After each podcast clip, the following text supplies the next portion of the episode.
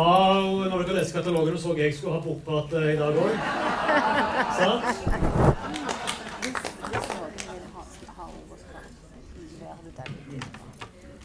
Ok. Um, er det noen som har vært på disse gjennomgangene tidligere år? Ja, veldig bra.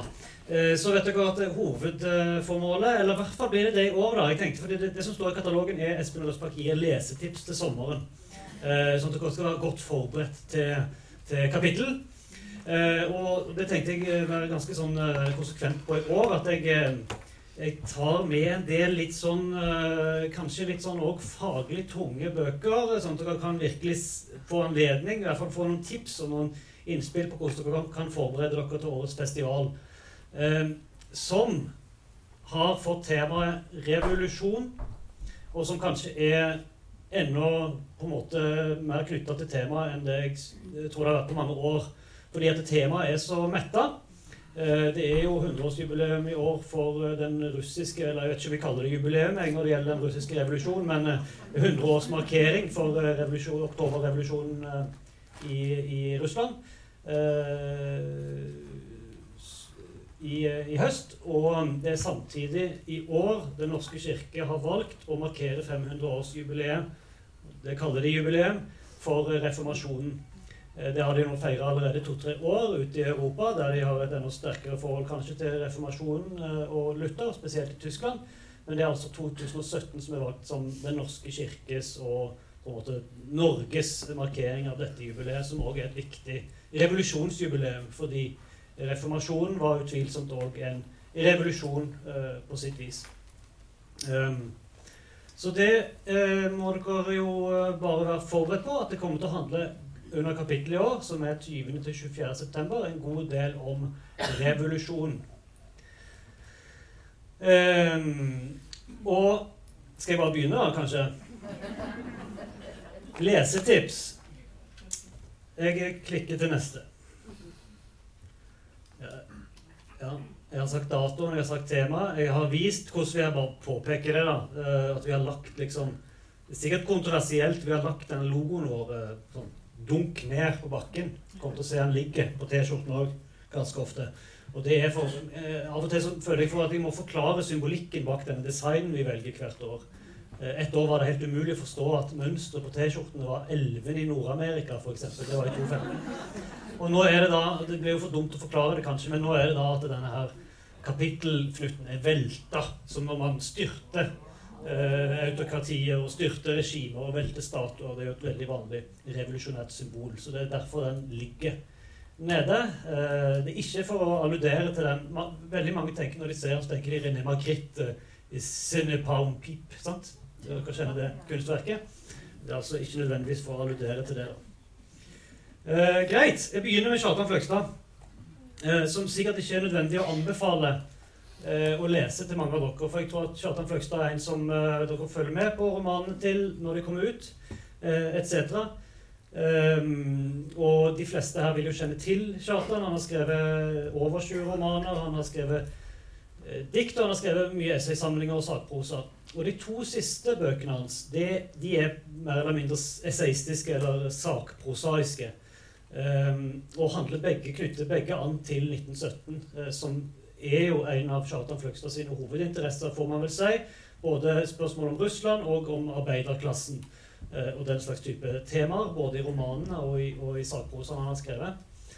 Um, de to som uh, Nei, de to bøkene han har gitt ut i år, inn i, i 2017 Den ene heter 'Etter i saumane om kultur og politikk i arbeiderklassens 100 år'. Uh, som i seg sjøl er en, eh, en si, programerklæring fra Fløgstad. At uh, århundret siden 19, 1917 markerer da begynnelsen på arbeiderklassens 100 år. Det var da arbeiderklassen kom liksom i, i det generelle rampelyset på skikkelig hva med den russiske revolusjonen. Det Vil jeg jo tro han mener. Vi får spørre han om det når han kommer, om han virkelig mener det. Den andre boka, som jeg viser bilde av her, uh, og som um, jeg syns er enda hakket mer interessant, morsommere å bla i og sånn. Kanskje fordi det er mye bilder i den, jeg vet ikke. Eh, det er denne her som heter eh, Trans-Sovjet Ekspress, som for en gangs skyld er gitt ut på Vigmostad og Bjørke.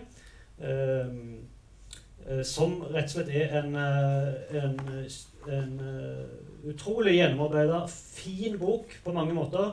designmessig og, og litterært. Om, om der Kjartan Fløgstad på grunnlag av sine reiser i i Sovjetunionen og Russland gjennom 40 år. Har han vel skrytt av at han har reist i det kulturområdet så har han observert eh, arkitektur, eh, kunst, selvfølgelig òg politikk og historie. Men her tar han utgangspunkt i, eh, i arkitekturen. Eh, spesielt da den, den typiske sovjetarkitekturen som han har møtt på sin vei. Og så skriver han eh, essay eh, rundt dette her. så det syns jeg er en veldig sånn underholdende, lettbeint måte å få med seg både russisk kultur og politisk historie på gjennom liksom små dykk i, eh, i, eh, i eh, enkeltbygg eller arkitektoniske strukturer i byer, i f.eks. Kiev etc. Eh, jeg skulle selvfølgelig begynt å vise bilder nå. Det kunne blitt et helt foredrag i seg sjøl. Eh, det folk kan heller komme og høre på Kjartan fortelle om, eller plukke opp boka på biblioteket eller i bokhandelen og, og lese på forhånd.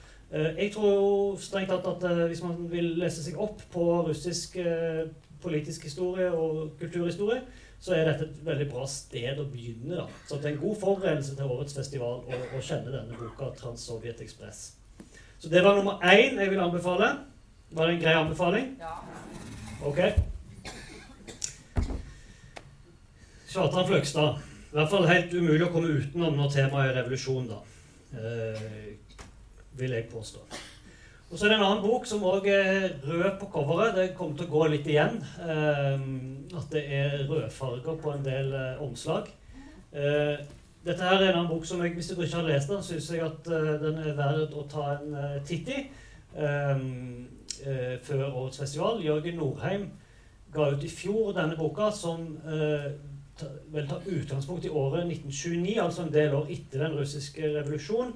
Men men utgangspunktet er en norsk, eh, en norsk fagforeningsmann eh, og norsk kommunist som reiser til eh, sovjetregimet for å ta del i oppbyggingen av dette store, viktige ideologiske prosjektet som han ser der. Og så møter man fremdeles da, samtidig i, i romanen hans sønn og hans barnebarn blir det oldebarn òg? Jeg er litt usikker. Det er i hvert fall fire generasjoner som beskriver forlaget i boka, og det stemmer vel, så vidt jeg husker. Og hopper det fram og tilbake. Um, det er en uh, Jeg hadde problemer med å komme inn i den sjøl. Det hoppet litt mye. Men når man først kommer inn i den, så er det han har fått gode kritikker, og jeg ser poenget. Når du først kommer inn i den, blir kjent med personene, så blir det en veldig lesverdig bok, altså. Uh, og, og, og når jeg tar den opp her, så er det kanskje først og fremst uh, tematisk. Uh, at det er på en måte den skjønnlitterære romanen fra norsk uh, litteratur det siste året som knytter seg liksom tettest til revolusjonsbegrepet. Uh, men det er òg en, en, underholdende bok å lese, så det passer kanskje sånn Jeg må kanskje anbefale liksom hva kontekst du kan lese bøkene i òg. Jeg vil tro at dette passer liksom på en strandbar i Mallorca eller et eller annet i den turen. Å lese denne her da, litt om kvelden, kanskje det er litt regn i lufta etc så leser man den her. Den er, den er jo òg veldig lettlest, da, for å si det sånn. Altså, det er jo ikke, det er ikke lettlest bok, men det er ikke noe, sånn, det er ikke noe kompleks litteratur. Det er en god fortelling. Uh, ja, jeg tenkte jeg bare skulle lese Han har et sånt sitat på begynnelsen av bøka. Hva heter det? En epigraf? Epigraf heter det når han siterer andre på begynnelsen av boka. For det, det er ganske beskrivende for ideen til Jørgen Norheim da, med denne boka. Så si meg nå, hvem er fiendene dine? spurte militsleieren. K tenkte seg om en stund og svarte. Jeg veit ikke helt. Jeg tror ikke jeg har noen fiender. Ingen fiender? Militsleieren hever stemma. Vil du med dette si at du ikke hater noen, og at ingen hater deg? Så vidt jeg veit, ingen. Du lyg! brøla oberstløytnanten og for opp for stolen. Hva slags menneske er du som ikke har noen fiender? Du hører helt klart ikke til vår ungdom. Du kan ikke være en av oss når du ikke har noen fiende. Og dersom du virkelig ikke veit hvordan en hater, da skal vi lære deg det. Det skal vi sannelig lære deg. Eh, og det er da Poenget med boka er jo da beskrivelsen eh, av eh, hvordan dette kommunistiske tankegodset, som jo ikke nødvendigvis alltid er med positivt fortegn eh, kan prege et eh, enkeltmenneske. Yes. Uh, nå har vi sett på to nordmenn som har uh, gått inn i russisk og sovjetisk uh, historie. Det blir Jeg syns i hvert fall det var naturlig. Og igjen, det, Sist gang var i 2010 at vi hadde et visst fokus på, sovjet, nei, på russisk litteratur under kapittel. og det blir det igjen i år, uh, bl.a. i form av et seminar på, på Hå gamle prestegård. Og i form av, av bokbad og, og, og foredrag her på Sølvberget. Og den kanskje største, viktigste eh, russiske forfatteren som kommer, han heter Vladimir Sorokin og er eh, den, en av de russiske forfatterne som nevnes oftest som nobelpriskandidat, f.eks. Eh, han står vel ikke på topp ti-lista til veddebyråene, men han er liksom nedi der når det gjelder russere. Uh, han har en, en, stor produksjon. Han er en veldig viktig uh, figur i, i, russisk uh, kulturliv. Og han er heldigvis også gitt ut på norsk, for det er det virkelig ikke alle viktige russiske samtidsforfattere som er. Han er gitt ut på Flamme forlag, som gjør kulturlivet en tjeneste gang på gang, syns jeg. De ga jo òg ut De som har fulgt med nå, vet jo at Min masteroppgave handler om, uh, om Witold Kobrovic og hans dagbøker. Og når jeg skrev den i 2006, så, så fantes de bare på svensk og engelsk og tysk, og polsk, selvfølgelig. Det er jo en polsk forfatter. Uh, Flamme forlag ga ut, har nå gitt ut uh, uh, dette store verket, Kobrovic sine dagboker i norsk språkdrakt. som er det er jo et sånn bonuslesetips da, for de som ikke har plukka opp det. Må jo bare gjøre det, rett og slett. Eh, både dagbøkene til Gombrowicz som er bare, altså De holder seg så godt. Han skrev de, Nå snakker jeg meg vekk, altså, men jeg må bare si det. Han skrev de i eksil i Argentina. Han hadde flukta fra, eller Han var på ferie i Argentina og så rett før første, nei, andre verdenskrig. Så brøt verdenskrigen ut. og Så kom han seg aldri tilbake igjen, fordi at etter verdenskrigen, som vi alle vet, så fikk jo da sovjetregimet òg veldig mye mer påvirkning over Polen, og han kunne ikke komme hjem igjen. Eh, som den kritiske forfatteren han var. Nå er det altså ikke Vladimir Sorokin, men Vitol Kobrovic jeg snakker om, da, bare for å understreke det. Så Flamme Forlag, som er som Flamme Forlag her, med den logoen der nede, de har da gitt ut eh, dagbøkene, og de har gitt ut Transatlantic eh, i norsk språkdrakt. Nydelige oversettelser. Så det, det, var litt bonus, da. Eh, men Flamme Forlag følg med på de generelt, da, for de, de de er i stand til å ikke tenke kommersielt som et av de få forlagene i Norge, men tenke, uh, gir ut uh, bøkene sine ut ifra en publisistisk uh, idé. Og dette er nok òg et uttrykk for det, det at de er det forlaget i Norge som har plukka opp Vladimir Sorokin. Um, jeg holdt på å si Det her er vel Ja, altså Det her er jo ikke for jeg vet ikke. Det, det, er kanskje Jeg vet ikke tid man skal lese det. Altså, hele boka For å beskrive den, så er det da kun direkte tale. Så jeg se for dere, nå har jeg ikke, jeg skulle vise et bilde, men, men, det er liksom bare talestrek. altså du ser Når folk snakker i romaner, så er det sånn talestrek foran. Og her er det det på hver linje. Og ingen setninger er lenger enn én linje heller, så det er grafisk en veldig spesiell roman. Den heter jo 'Køen', så hele romanen er rett og slett en gjengivelse av samtaler i en kø. da, i en sovjetisk kø. Eh, det er veldig, veldig gøy. Eh, eh, og absurd opplegg. Og, og, og, man kan jo fordype seg så mye man, man, vil i det. Lese det fortere eller saktere. Det er sikkert mulig å lese det på flere måter. jeg kan jo, Bare for å gi en smakebit kan jeg lese bare begynnelsen. Hvem er sist kamerat? Jeg. Men det står en dame i blå kåpe bak meg igjen. Så jeg er bak henne. Ja, hun kommer straks. Du kan stå bak meg imens. Blir du stående en stund, eller? Ja da. Jeg må uten tur, nemlig. Jeg blir ikke lenge. Etc., etc. Som fortsetter og blir mer og mer absurd, og det blir samleier i køen. og altså det blir, det blir mye opplegg. da. De venter og venter og venter. Så det er jo, i, i venteperspektivet så er det ganske mye som minner om uh, klassikere som, uh, som Beckett her. Uh, så den fins også på biblioteket. det er der jeg har tatt den nå. Jeg skal levere den inn igjen etterpå til de som har lyst til å se på den. Det er relativt, uh, altså det er relativt utfordrende litteratur, men samtidig så morsomt og absurd at det, at det, at det kan leses bare som gøy òg. Sikkert på en, i og for seg på en sånn strandbar i, i Nis. ja, jeg skal til Nis om halvannen uke. Helt tilfeldig. Uh, ok. Køen, ja. Det var den jeg tenkte å vise. Det er fire romaner som foreligger på norsk. Det er denne her som er uh, Jeg vet ikke om det er debuten hans. Det kan godt hende det er faktisk at det er det. Det er jo den første romanen som kom på norsk. Den siste romanen kom i forfjor, heter 'Telluria'. Alle har kommet ut på Flamme forlag. Jepp, jepp, jepp. Ja, ut av Russland. Men det jeg skulle si, var at eh, når vi tenker på russisk litteratur, eh, eller på, på russisk samtidslitteratur, så holder vi oss ikke liksom strengt i Russland, men eh, fordi eh, ikke, ikke, bare fordi, men òg fordi revolusjonen i Russland hadde jo veldig stor påvirkning på landene rundt eh, Sovjetunionen og Russland. Eh, annet på Finland, og det kom eh, noen finske temaer under kapittel, og på Tsjetsjenia. Det kom en tsjetsjener som var kunstjournalist eh, som ble opprørssoldat, og skrev om det. Eh, Ukraina blir et viktig tema, eh, i tillegg spesielt i form av en, av en fotoutstilling om opprøret på Maidanplassen. Og, og Slovenia. Eh, blir også, altså Alle disse er jo land som på veldig ulike måter egentlig var preget av sovjetsamveldet og, og, og, og, revolusjonen. Men det jeg tenkte jeg skulle nevne som et helt konkret lesetips Jeg tror at mange kjenner til henne fra før, for hun er jo et stjerneskudd i, i finsk litteratur.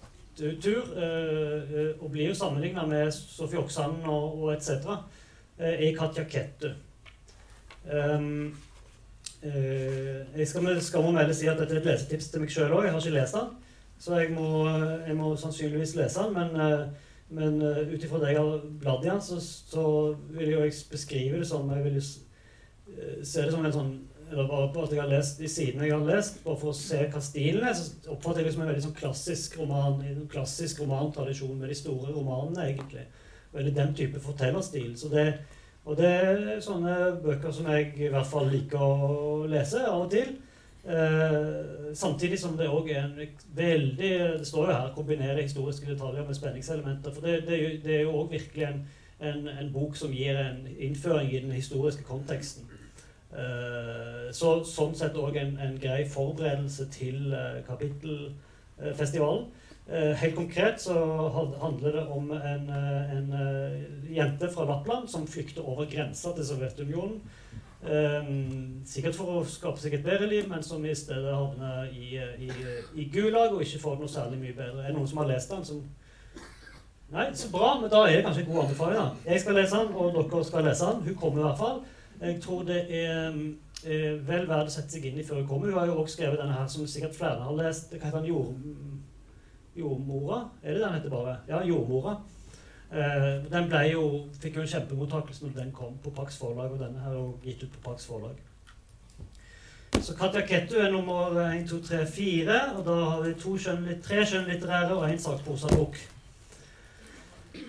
Så da kan jeg ta et par uh, sakprosabøker til. Kan jeg ikke det? Uh, for vi snakker mye om historie på denne festivalen.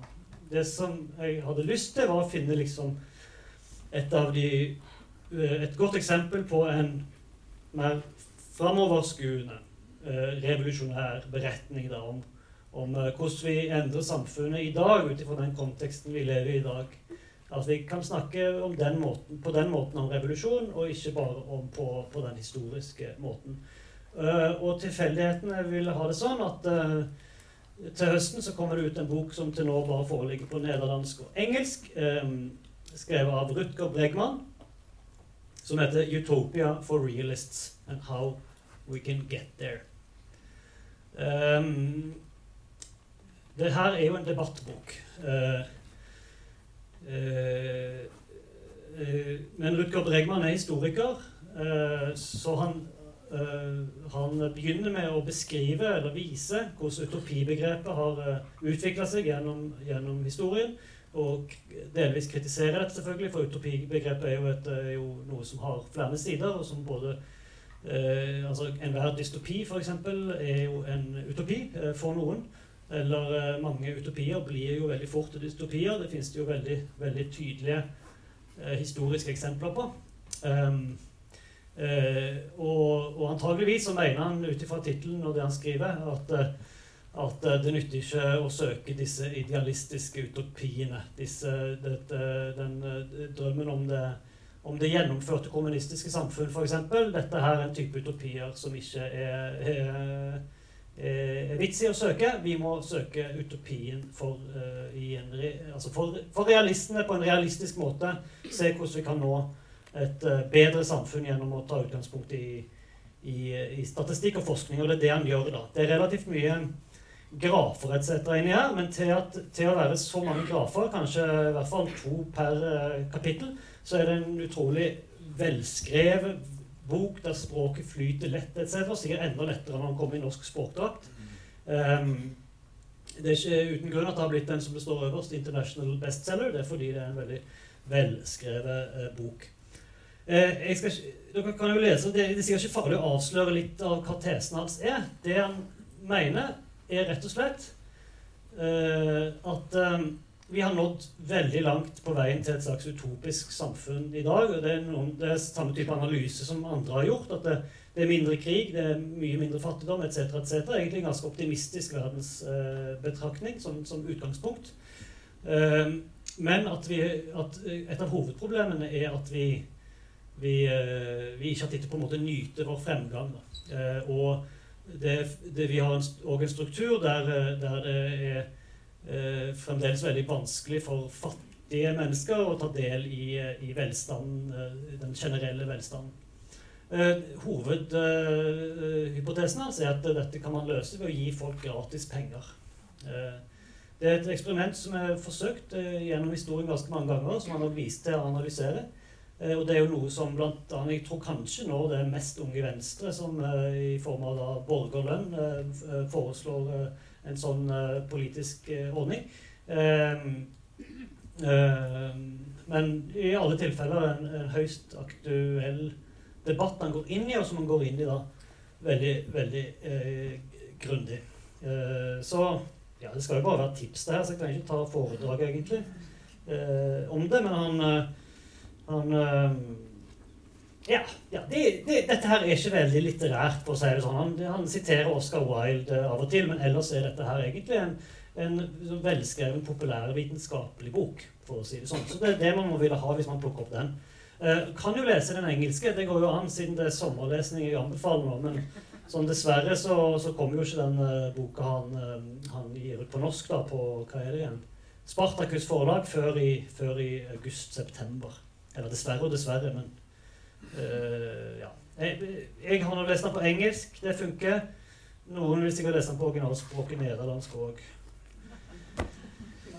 Noen. Jeg vet ikke. jeg vet ikke. Og så skal jeg til den mest, kanskje mest krevende boka, som egentlig kun er for de av dere som eh, er idealistisk orienterte kommunebyråkrater. Det er kanskje noen, eller tidligere, eller hvordan det er denne her. Eh, men for de som har en um, Dette handler òg om hvordan vi lager en bedre verden. Benjamin Barber heter forfatteren, og 'If Mares Rule the World' heter boka. Den er ganske tjukk. Uh, den er vel så belagt med statistikk og forskning som 'Utopia for Realists'. men den har, et, den har en annen liksom, grunntese, og det er at det er byene, de store byene som burde overta styringen av verden. Nasjonalstatene har spilt fallitt. Nasjonalstatene forfaller til, eh, til uh, egeninteresse, fremmedfrykt, proteksjonisme etc. Vi kjenner igjen hele den beskrivelsen fra Donald Trumps uh, Amerika. Og det, denne boka kom jo ut før han ble valgt president, så det er jo nesten som om han har vært profetisk i det at vi f.eks. leste hva det i Aftenposten i går. Eh, det står beskrevet hvordan det er 207 eller hva det er, amerikanske byer som har gått uh, imot uh, Donald Trumps avvisning av Parisavtalen og sagt denne Parisavtalen kommer vi til å følge opp likevel. Uh, og dette er en bok som, som, går rett inn i den type debatt, og som beskriver veldig grundig hvordan byene i nettverk kan overta styringen av verden, og hvorfor det ville vært bedre. Benjamin Barber han døde for bare tre uker siden, dessverre.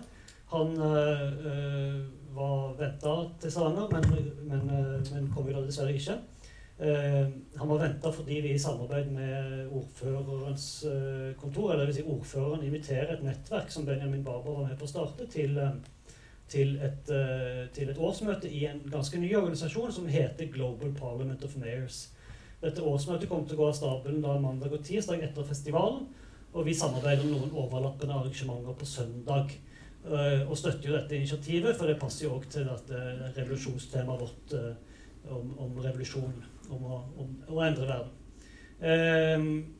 Så eh, ikke bli overraska hvis, hvis, på søndagen at det kommer til å handle litt om, eh, om, eh, om dette byperspektivet og om Benjamin Barber sine perspektiver fra denne boka. Men som sagt, dette er en relativt tunglest bok. vil jeg si. Man skal være spesielt interessert. Men for de som er det, så finnes den på biblioteket.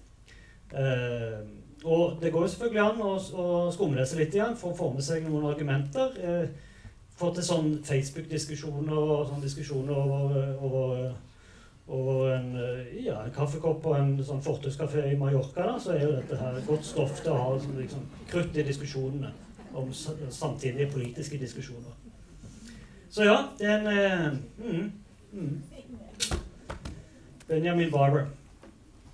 Så det, det, var de to mest sånn De to bøkene her er altså de mest sånn Hva skal man si? Ja, det er gode bøker, jeg sier. Ja. Ok. Jeg husker ikke hva neste er. Jeg skal bare se om jeg skal Å ja! Neste er Håper å si Plutselig er det litt mindre eh, Litt mindre revolusjonært, da, på, på ett vis. Et annet vis ganske revolusjonært. Vigdis Hjort. Eh, eh, mange har jo lest Vigdis Hjort sine bøker òg, så det her blir også kanskje en anbefaling for, uh, for allerede skolerte ører på mange måter. Men for det første, eh, Vigdis Hjort kommer for å holde eh, Kielland-foredraget.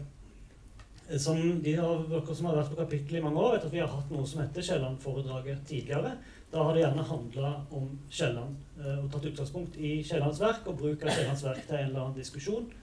Uh, det vi gjør nå, er at vi tar utgangspunkt i Kielland sitt litteratursyn Eh, som i likhet med f.eks. Georg Brandes sitt litteratursyn var at litteratur skulle ha en nytte, en samfunnsnytte. Den skulle fungere i verden. Eh, og det første av disse her re... Eh, det her opp, Nyoppussa Kielland-forelesningene er det Vigdis Hjorth som skal holde. Og det tror jeg er et kjempegodt valg. Hun er en av de mest reflekterte skribentene og debattantene på litteraturens på måte rolle og verdi i samfunnet, som jeg syns vi har. Uh, hun har jo ikke deltatt veldig mye sjøl i debatten om hennes egen bok 'Arv og miljø'. Den har hun jo latt seile for seg sjøl. men det har jo vært opphav til en av de viktigste debattene i norsk litteratur det siste året, vil jeg si.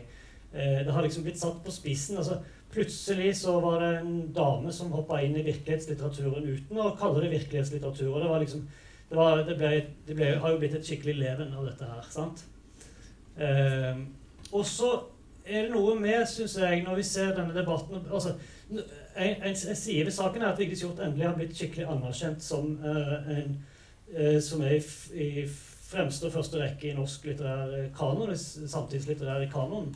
Og da tenkte jeg, Derfor så tenkte jeg mange har sikkert lest Arv og miljø og, og fulgt med på det. så jeg tenkte kanskje jeg skulle trekke fram Om bare jeg, som er en tidlig bok av Vigdis Hjorth. Eh, som på den tida den ble gitt ut, delvis eh, ble oppfatta som en slags eh, sladderbok, eller, eller, hva som helst, men som, eh, som man i, i, ettertid må si er, er, en veldig viktig del av norsk litteraturhistorie, og som det er vel verdt å, å, å lese uh, på, på, nytt, da, om man har lest den før, eller for første gang hvis man ikke har lest den.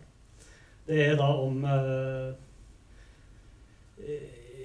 Ida, Ida Heier, som har møtt sin livs kjærlighet, den litt eldre professoren Arnold eh, Busk, som er gift og har barn. Så det er jo i, i utgangspunktet en, en, en, kjærlighetshistorie om den slags type vanskelig kjærlighet. Um, så den uh, ville jeg kanskje valgt. Uh, og hvis man skulle velge en Vigdis Hjorth-bok nå. Den begynner å bli såpass gammel at det begynner å nærme seg en slags klassiker. Og man kan få et nytt syn på Jeg vet ikke hva, hva syn dere hadde på Vigdis Hjorth sitt forfatterskap tidligere. Altså, men jeg, jeg, jeg, tenker at generelt så tenker jeg at det har blitt oppvurdert mer og mer. da, Sånn at det fortjener en gjenlesning av de tidlige romanene òg. Ja, det kom en mm her bak. En annen, en annen kvinnelig skandinavisk forfatter som gjerne kan gjenleses, er og Som kommer til kapittelet, altså det er derfor jeg har de med her, fordi de kommer, er Susanne Brøgger. Og Da er det ingen Susanne Brøgger-bok jeg har tatt opp der, og det, men det, og det, håper mm, jeg, det kan dere jo gjerne. Eh, og da Jeg husker et intervju med Vigdis Hjorth der hun i hvert fall anbefalte kanskje Krem Fresh som den boka man kunne plukke opp igjen, som hun mente fremdeles holdt seg. Eh, Krem Fresh var vel gjennombruddsromanen, må man si, til Susanne Brøgger. Eh, eventuelt debutboka hennes, eh, som eh, heter som heter 'Fri oss fra kjærligheten', vel? Og som liksom var òg en programerklæring om å fri seg fra liksom den konservative og satte kjærligheten, fastlåste kjærlighetens bånd. Eh, litt sånn vel, at man bør oppløse alle ekteskap og og, og, la være å få barn og den slags type ting. En type radikal eh, feminisme som, som, skapte selvfølgelig veldig stor debatt når den kom ut på ja, midten av 70-tallet, antageligvis. Eh, fri oss fra kjærligheten. Um, så det er verdt å gå tilbake i hennes forfatterskap. Man kan jo bruke De, de som, har, eh, som syns det er interessant, kan jo bruke hele sommeren på å lese Susanne Brøgger da, før hun kommer. Hun har faktisk ikke vært på kapittel før, så jeg syns det er en litt sånn stor og fin begivenhet at, at hun endelig kommer. Men for de som har kanskje enten lest eh, en del av Susanne sine, Brøgger, eh, Susanne sine bøker tidligere, eh, eller av andre grunner har lyst til å begynne i andre enden, de kan plukke opp denne biografien til Louise Soiten, som heter Krukke. og som er en autorisert biografi.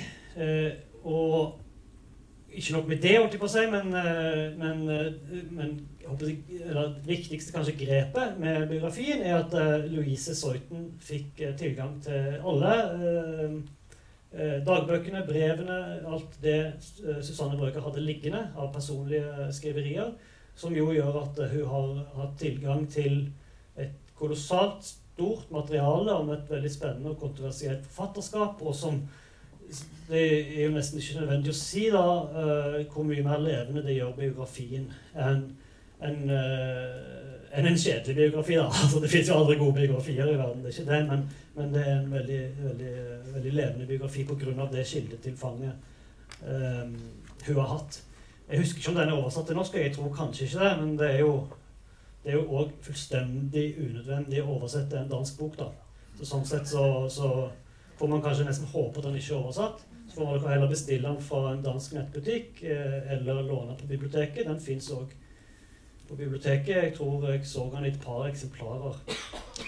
Um, og det er ikke bare for, uh, for det, det, ja, Når jeg er inne på neste person jeg skal anbefale, men men uh, det er ikke bare for folk som er interessert i, i uh, feminisme og den slags. altså. Det, det er òg beskrivelse av et veldig, veldig jeg håper å si, ja, veldig spennende intellektuelt liv da, generelt.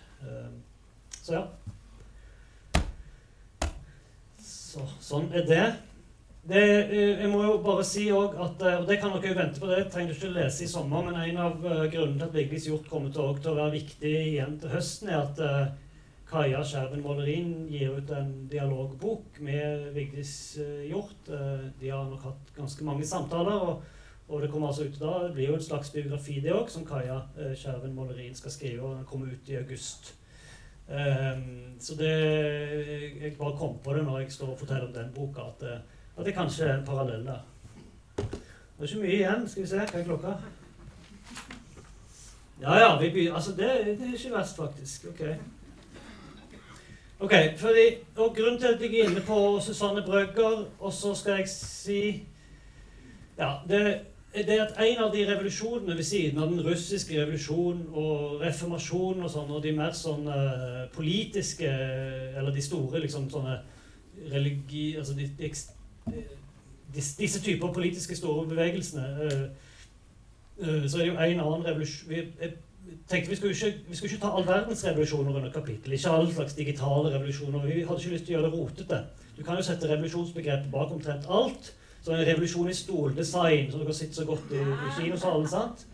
Eh, men den feministiske revolusjonen eh, det, den eh, har vært såpass omveltende eh, i de vestlige samfunnene og er fremdeles såpass aktuell eh, i, andre kulturkrinser spesielt, kanskje. Ikke at, ikke at kampen nødvendigvis er utkjempa i, i, i, vestlige samfunn, men, men, det er jo en, en diskusjon og en, en, pågående fremdeles omveltning eh, som er blant de bevegelsene som nok velter omverdenen mest. Så det var bare for å si at uh, Susanne Brøgger kan også leses i, eller at hun er på kapittel kan leses i det perspektivet. Og det kan òg da Witt-Brattstrøm, som òg kommer. Um, det er sikkert mange som kjenner til Ebba Hvitt Brattstrøm, og i, håper jeg, ikke minst nå i det siste gjennom hennes liksom ganske famøse utsagn etter hvert om Karl Ove Knausgård uh, og andre menn, andre kulturmenn. Um, jeg har ikke tatt med bilde av den boka, men for her kan man jo velge litt. Dette er de to siste bøkene hennes. Det er da den som står der, 'Århundrets kjærlighetskrig'. Jeg tror ikke den heller er på norsk, men akkurat samme som jeg sa i stad, det burde være totalt unødvendig å oversette gode svenske bøker. Kanskje man kan oversette sånne kjedelige romaner, liksom. Men, eh, men dette blir en litt annen type bok. Vanskelig å oversette, tror jeg, og bevare det. Eh, men jo, det jeg skulle si Sorry, jeg snakker meg vekk. Men eh, det, jeg har to bøker med her. Den ene er 'Kulturmannen', som er en essaysamling. Som tar utgangspunkt i et essay eller da um, Det begynner, åpner med et essay som heter 'Kulturmannen', eller 'Kulturmannen revisited', der hun tar opp dette begrepet, diskuterer hva er denne kulturmannen etc., som spesielt i da svensk debatt kom opp eh, som et viktig fenomen å diskutere. Men som fortsetter med da, en samling med essays der, der hun gjør litterære lesninger av Selma Lagerlöf, av Hamsun, av, uh, av, Sigmund Freud, av uh, Sofokles, Aksel Sandemose, Karl Ove Knausgård, uh, Lene Andersson, Kerstin Ekman. Altså en lang lang liste med fremragende forfatterskap som hun leser med utgangspunkt da i dette, i dette begrepet om, om kulturmannen, og, og med, med, med, et, med, et, ganske særegent sånn blikk for, for en slags feministisk litteraturkritikk. Eh, så, så en ting er den debatten om kulturmannen. Det kan man kanskje tenke at ja, Uavhengig av hva man mener om det, så er denne boka her, som heter 'Kulturmannen' og andre tekster, eh, en, en, et veldig godt uttrykk for hennes eh, fabelaktige lesemåte og forståelse for litterære tekster, og en god inngang til da disse andre tekstene som du snakker om. Så, så jeg anbefaler å plukke opp den. Men kanskje enda mer vil jeg anbefale denne boka, eh, som jeg har bilde av, eh, som heter 'Århundrets kjærlighetskrig'. Og Det er ikke alle som gir ut en punktroman når de har slått opp med mannen, men det gjør da Ebba Witt-Brattstrøm. Eh, det, det, det, står vel ikke eksplisitt hva mannen hennes heter i, i punktromanen, men det er, jo, det er jo relativt åpenbart at det bygger på egne erfaringer. Det er da historien om et brudd, som coveret ganske tydelig gir uttrykk, full, uttrykk for, i en slags sånn uh, prosalyrisk uh, uh, kortromanform, som er veldig fin. Jeg, jeg, jeg synes ofte Nei, punktroman, mener jeg. Punkt, punktroman. Punktroman er ofte noe som jeg er litt skeptisk til. Hvis jeg ser det sånn på Her står det faktisk på forsida. Det står ikke der på forsida, men her står det 'Århundrets kjærlighetskrig', en punktroman. Og ofte når jeg ser sånt, så bare tenker jeg den skal ikke jeg lese, i hvert fall. For da tenker jeg dette er uh, uinspirerende knekkpose. At man har noe man egentlig kunne skrevet en roman om på en helt vanlig måte. Så siden man ikke hadde nok ord, så bare kutter man linjene og så gjør det til en slags dikt. Uh, men dette er Beklager hvis jeg fornærmer noen der, men det er liksom mitt, mitt fordom mot punktromaner. Uh, men for at det, fordi det er sant at unntaket bekrefter regelen, så er dette dette her er rett sjanger til dette her, rett og slett. Dette her er uh, uh, skrevet som, som, lyriske enkeltscener fra et ekteskap i, i, i, i, i oppbrudd, er det vel det heter. Ja. Jeg bare leser første side. Jeg kan lese noe annet, men jeg kan lese jeg kan lese første side som på en måte setter tonen og viser at det er en dialog mellom en han og en hun. Han sa om du overgir meg, har du bare livslangt hat at vente. Hun sa, tror antingen jeg eller du måtte dø. Og sånn eh, fortsetter det neste side, så begynner det med en dialog om morgenen. Han sa morgenen var vel ikke verre enn vanlig, Som jo òg en eh, Ja, det er veldig mye sånt. Det er veldig flott. eh. Og jeg, jeg kjøpte den, det eksemplaret her kjøpte jeg fra Ebba Hvitt Brattstrøm eh, på bokmessa i Göteborg. Som jeg håper å si nesten ikke unner min verste fiende å reise til. Eh, kaos uten like. Men, eh, men, eh, men, det er jo veldig mye litteratur. Da. jeg vet ikke hvor mange foredrag det er. Hvis noen har vært på kapittel, så kan man ta kapittel. Og så tror jeg man kan ta kanskje 80 kapittelfestivaler, og så klemmer vi på tre dager, så har du liksom bokmessa i Göteborg. Eh, så kanskje for de som er veldig glad i litteraturfestival, så kan man kanskje reise dit en gang. Men poenget det var òg en digresjon. fordi poenget var da Jeg kjøpte denne boka av Ebba Hvitt Brattstrøm der. Fikk han vel signert. Husker ikke Skal vi se Skal stå. Nei. Kanskje, ok, vi glemte å signere. For vi havna bare i en samtale. For jeg sa jeg skulle kjøpe det til samboeren min. Ja, så ble, da, men da ble hun lovlig skeptisk og så på meg. fordi da, da tok hun det som et uttrykk for at jeg ikke hadde tenkt å lese den sjøl. Og ga klar beskjed om at du må lese den selv også.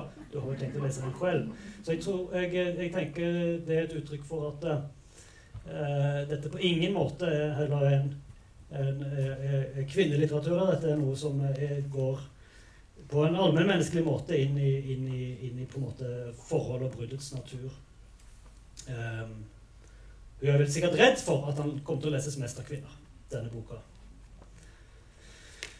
Så Det var 2015 den kom ut. Noen har sikkert lest den. Men eh, for de som ikke har lest den, så ta også lån den eller kjøp den og les den. For dette her er fabelaktige greier. 2016, ja, så den er ikke så veldig gammel heller. Veldig flotte ting. Ok. Ja, det var Det var så langt. Greit. Ja, ok. Heinz Schilling. Eh, denne boka kom ut i fjor. Eh, jeg hadde nesten glemt den eh, i, i, oppsettet mitt, så jeg heiv den på rett før jeg kom ned. Men jeg tenkte jeg bare måtte nevne den, fordi den, derfor har jeg ikke den med heller. Jeg, jeg, fikk ikke plukka den opp, og jeg har den ikke på hylla. Uh, men eh, det er jo absolutt relevant som, uh, som, lesningsforslag til sommeren. Det er altså da uh, i, Nå har jo som sagt I Tyskland så har jo Luther-årene vært i gang noen år allerede. Dette er den Luther-boka som uten sammenligning har fått mest oppmerksomhet. Uh, og som òg da er den eneste av reformasjonsutgivelsene egentlig som har kommet ut på, og, nei, på norsk og fått noe oppmerksomhet på norsk. Så det mm, er sikkert verdt en, en titt i den boka eh, hvis man er interessert i sånne ting. Gitt ut på Vårt Land forlag, som, ja, som, uh, som kanskje gir ut sånne ting. da. Uh, så det Han skal møte Blant annet skal han møte um, Tom Egil Verven i samtale. I hvert fall tror jeg det blir sånn. Og en annen måte å lese seg opp på, på reformasjon er å gå inn på, på historikken til Klassekampen sitt bokmagasin og lese Tom Egil Verven sine, sin eh, artikkelserie om reformasjonen, der han bl.a. har en omtale av denne boka. Hvis man ikke har lyst til å plukke opp hele boka, så er det en god måte å på en måte komme seg inn i reformasjonsjubileet og hva det handler om. Eh, der kan man jo bruke faktisk eh, biblioteket sine maskiner her ute. Eller nei, hvis du har lånekort, Dette er et tips som jeg tror ikke alle vet. Hvis du har lånekort, så kan du gå inn på sidene på min side på sølvberget.no, eller hva det heter, og gå inn på Retriever, eh, som er der, som er et nyhetsklipparkiv fra forne tider. Jeg har altså tilgang via min side på Sølvberget med lånekortnummeret. Uh, nyhetsklipp fra, liksom, uh, fra, evig tid tilbake omtrent i norsk uh, så, så, Hvis jeg ser et Klassekampen-klipp fra, fra, april, som Tom Egil Vervel skriver om reformasjon, så er det veldig enkelt tilgjengelig der. Alle vet det kanskje ikke. Jeg fall det er noe, et av de mest praktiske verktøyene man har gratis tilgang på som lånekortinnehaver på biblioteket. Så det er et lesetips òg, uh, da. Å ta. Greit, da Jeg begynner egentlig å nærme meg litt slutten. Jeg har bare én bok igjen her, uh, som, jeg, som, som, er en som ikke kommer til festivalen. Men før jeg skal Nei, nå lurer jeg på Er det noen som vet om det er lyd ut fra denne? Nei, jeg ser om det er en tekniker her. Vi, vi tester. Vi skal nemlig jeg, jeg, jeg, Nå har jeg ikke lyst til å gi Nå blir det reklame og ikke lesetips. Men det kommer til å komme under kapittel um, eh, en, Det arbeides med nå en flott eh, forestilling som uh, er offentliggjort, men det er sikkert ikke alle som har fått det med seg, som heter 'Kurt Weil på jærsk'. Som annet, som er skrevet av Terje Torkelsen, som er produsert og tatt initiativ til av Ann-Kristin Søvåg, og som en gjeng med flotte musikere, Ann-Kristin Søvåg og Espen Hana, eh, opptrer i. Det skal spilles på Stavangeren fredag og lørdag under Kapittelfestivalen etter å ha hatt premiere eh, på Jardarheim, heter det vel, eh, et par uker før den tid. Eh, det er da en kombinasjon på en måte av Kurt Wilde sin musikk og, og historien i hans musikk, bl.a. Brecht sine tekster, og, og, eh, og historien om, eh, om Hva heter han? Jeg husker ikke fornavnet, som utvikla skjerve, skjerp, er Skjerveplogen eller Skjerpeplogen? Skjerpe. Er det Hans Skjerpe, må tro? Ja, ok. Eh, så det, det, er en eh, forestilling som jeg eh, da skal reklamere for ved å vise et Forhåpentligvis vise et klipp. Eller Jo, se her.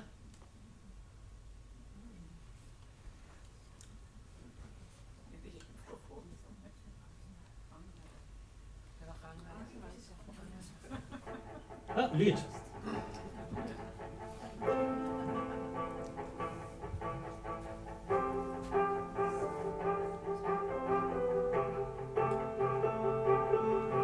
en haifisk har fine tenner som han bærer i fjeset sitt.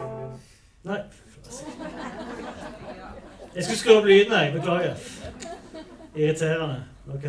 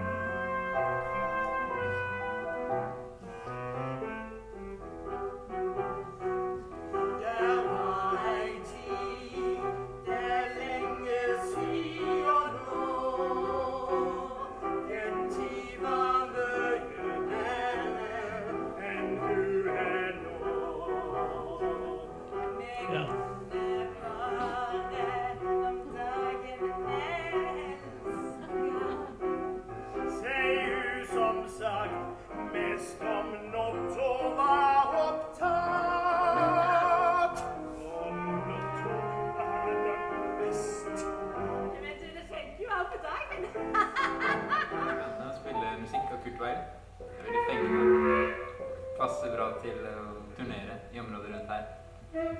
Gleder oss til å spille det på Jæren. Kurt Weil på jærsk blir en suksess. Kommer til å slå an veldig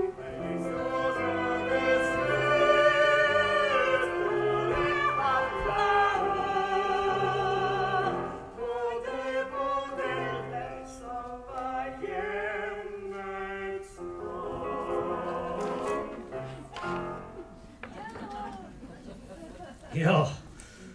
Så Ja, bare klippe og klappe. Jeg tror det blir bra. Så det, det tror jeg blir bra. Og bare litt mer reklame om kveldene, så blir det òg Dette her blir eh, Fredagskvelden blir det dette. Onsdagskvelden blir det òg en en klassikerforestilling. Som faktisk ikke har vært i Stavanger ennå. Det er Tom Stalsberg og Lars Aabye Christensen og gjengen, holdt jeg på å si. Blant annet Stian Carstensen, vel som har en forestilling som ikke har vært der ennå, som heter Buicken. Som er basert på Jeg har ikke med boka, men det er at eh, Tom Statsberg og Lars Aabye eh, reiste i, gjennom Amerika i sin tid. Skrev en, en slags diktbok, en diktreportasjebok fra den turen, og har turnert Norge siden, egentlig, med en forestilling som heter 'Buicken min får du aldri'. Eh, og jeg tror det ble kjempegøy på onsdagen, og, og jeg har bedt de om å aktualisere det litt, så vi har kalt det Buicken Trump Edition, da. Eh, så får vi se om de tar det hintet og legger inn noen sånne aktuelle referanser til det politiske USA nå, som jo òg er en slags revolusjon, og det er jo ingen som vet om han faktisk er president igjen eh, fremdeles i september, altså. Det, det det blir jo faktisk mer og mer spennende, syns jeg. Greit, men jeg skal bare, nå skal jeg anbefale en bok av en som ikke kommer på festivalen, men som er representert da gjennom um, Kurt Weil og, og, eh, og da Kurt Weil på Jærsk-forestillingen, nemlig uh, Bertolt Brecht, som uh, veldig mange kjenner til. Eh, eh, og kanskje flere kjenner til, eller veldig mange flere til, kjenner til enn har lest. Og de som har lest noe av den, har kanskje lest de eh, par versene som er kjent, eh, spesielt kjent, eller har sett han på, på teater. Han er jo en veldig kjent teaterkunstner, selvfølgelig. Eh, men denne nye samlingen av eh, dikt, hovedsakelig dikt, eh, som er gitt ut på Konan forlag og oversatt av Johan Grip, 'Landskap i eksil', det er en eh, utrolig flott eh, utgivelse som eh, jeg i hvert fall ønsker at så mange som mulig kjøper. Eh, fordi eh, det viser en bredde i hans lyrikk som jeg, som jeg syns er eh, bare, Det er bare en bok man egentlig bør eie og kan, kan ha med seg og titte en gang iblant. Det er jo sånn sett ikke nødvendigvis det første jeg ville anbefalt som sånn sommerlesning, men å ha denne diktsamlingen av Bertolt Brecht og kunne dra den opp og sitere noe, noe sånn fyndig en gang iblant, f.eks. Eh, det det syns jeg alle, alle bør. Eh, så det var egentlig strengt tatt min Ja, det var nesten den siste anbefalinga, i hvert fall. Eh, sant? Fordi vi nærmer oss tida. Ja, absolutt. Eh, eh, jeg hadde en til, og det er den. For de som er interessert i Lenin, så kommer også Tariq Ali, som har vært på kapittel eh, for veldig mange år siden nå. Men, eh, og det var for å påpeke da, Den har ikke jeg lest ennå heller, så jeg kan ikke si noe om den. Eh, men er du interessert i Lenin, si, så er det sikkert en veldig bra bok å få med seg. Den blir nok ikke oversatt på norsk. Du kan kjøpe den under Kapittelfestivalen. Eh, eller så fins den på eh, biblioteket, har jeg sett. Så det er veldig bra. Tariq Ali. Eh, jeg nevner den fordi jeg hadde tenkt å lese et bok, eh, et dikt fra denne boka til minne om Lenins dødsdag. Men jeg ser, jeg ser vi har ikke tid, så dere får kjøpe boka og lese det. Eller skal jeg bare gjøre det? Ja, ok. okay. Greit. Greit. Det var derfor jeg hadde med det bildet av Lenin. For jeg tenkte at det var fin dramaturgi da jeg skulle lese dette diktet, 'Lenins dødsdag'. Ehm, men skal vi se Ja, der, ja. 'Kantate til Lenins dødsdag'. Side 216. Altså Brecht, han var Han var eh, en liten kommunist, for å si det sånn.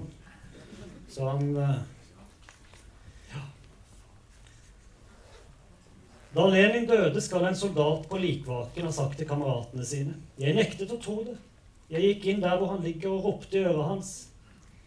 Illich, utbytterne kommer! Han rørte seg ikke. Nå vet jeg at han er død. Når en god mann vil gå bort, hvordan kan man stoppe ham? Fortelle ham hvorfor han trengs. Det holder ham igjen. Hva kunne holdt Lenin tilbake? Soldaten tenkte. Når han hører at utbytterne kommer, vil han stå opp selv om han er syk. Kanskje han vil komme på krykker, kanskje han vil la seg bære. Men han vil stå opp og komme for å slåss mot utbytterne. Soldaten visste nemlig at Lenin i hele sitt liv hadde kjempet mot utbytterne. Og da soldaten hadde deltatt i storming av, stormingen av Vinterpalasset, ville han gå hjem, siden godsherrenes åkre var i ferd med å bli fordelt. Da hadde Lenin sagt 'bli', det finnes fortsatt utbyttere. Og så lenge utbytting foregår, må den bekjempes. Inntil du selv forgår, må du kjempe mot den. De svake kjemper ikke. De sterkere kjemper kanskje en times tid. De enda sterkere kjemper i flere år.